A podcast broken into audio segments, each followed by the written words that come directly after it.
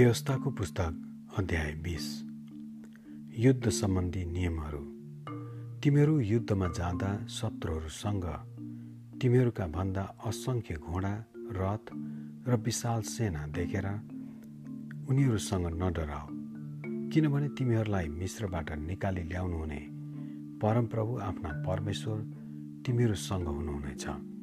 युद्धमा जान अघि पुजारीले सेनाको सामु गएर यसो भन्नुपर्छ हे इजरायली हो सुन आज तिमीहरू तिमीहरूका शत्रुका विरुद्धमा लडाइँ गर्न जाँदैछौ।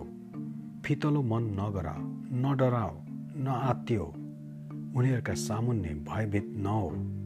किनभने परमप्रभु तिमीहरूका परमेश्वर नै तिमीहरूका शत्रुका विरुद्धमा तिमीहरूका निम्ति लडेर तिमीहरूलाई विजय तुल्याउन साथसाथै जानुहुन्छ।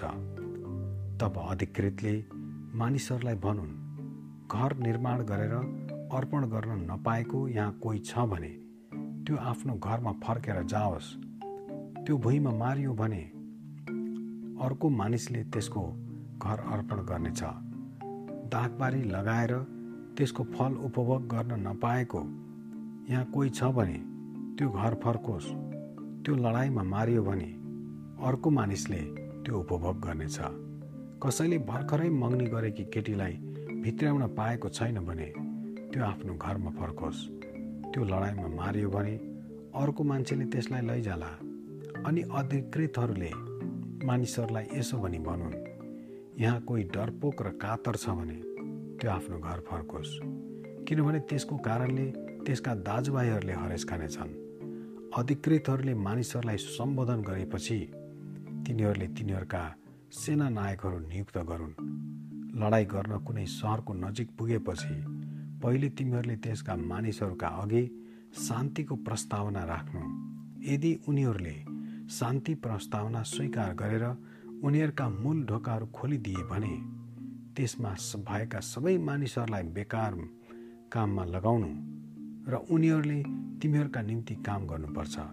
तर उनीहरूले तिमीहरूसित शान्ति सम्बन्ध नराखेर लडाइँ गर्ने नै इच्छा गर्छन् भने त्यस सहरलाई घेर परमप्रभु तिमीहरूका परमेश्वरले त्यो सहर तिमीहरूलाई सुम्पिदिनु भएपछि त्यहाँका सबै पुरुषहरूलाई तरवारले काटेर मार तर स्त्री केटाकेटी गाईबस्तु र त्यस सहरमा भएका अरू सारा थोक तिमीहरूका जितका माल स्वरूप लिन सक्छौ।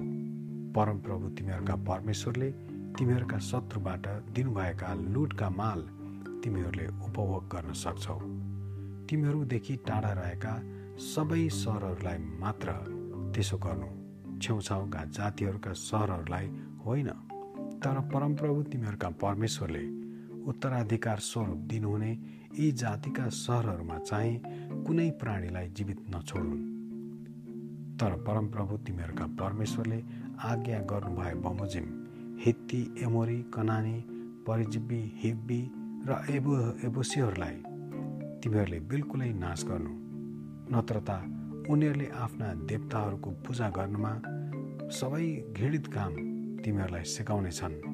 तर परमप्रभु तिमीहरूका परमेश्वरको विरुद्धमा तिमीहरूले पाप गर्नेछौ। र जब तिमीहरू कुनै सहर लिन त्यसको विरुद्धमा लडाइँ गरेर त्यस सहरलाई धेरै दिनसम्म घेरिराख्छौ तब तिमीहरूले त्यसका रुखहरू नकाट्नु किनकि तिमीहरूले तिनका फल खान सक्नेछौ।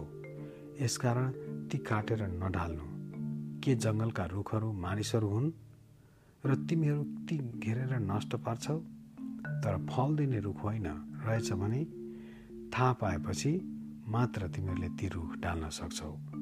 तिमीहरूसित युद्ध गर्ने सहर परास्त नभएसम्म घेरा हाल्ने काममा ती प्रयोग गर्न सक्छौ। आमेन।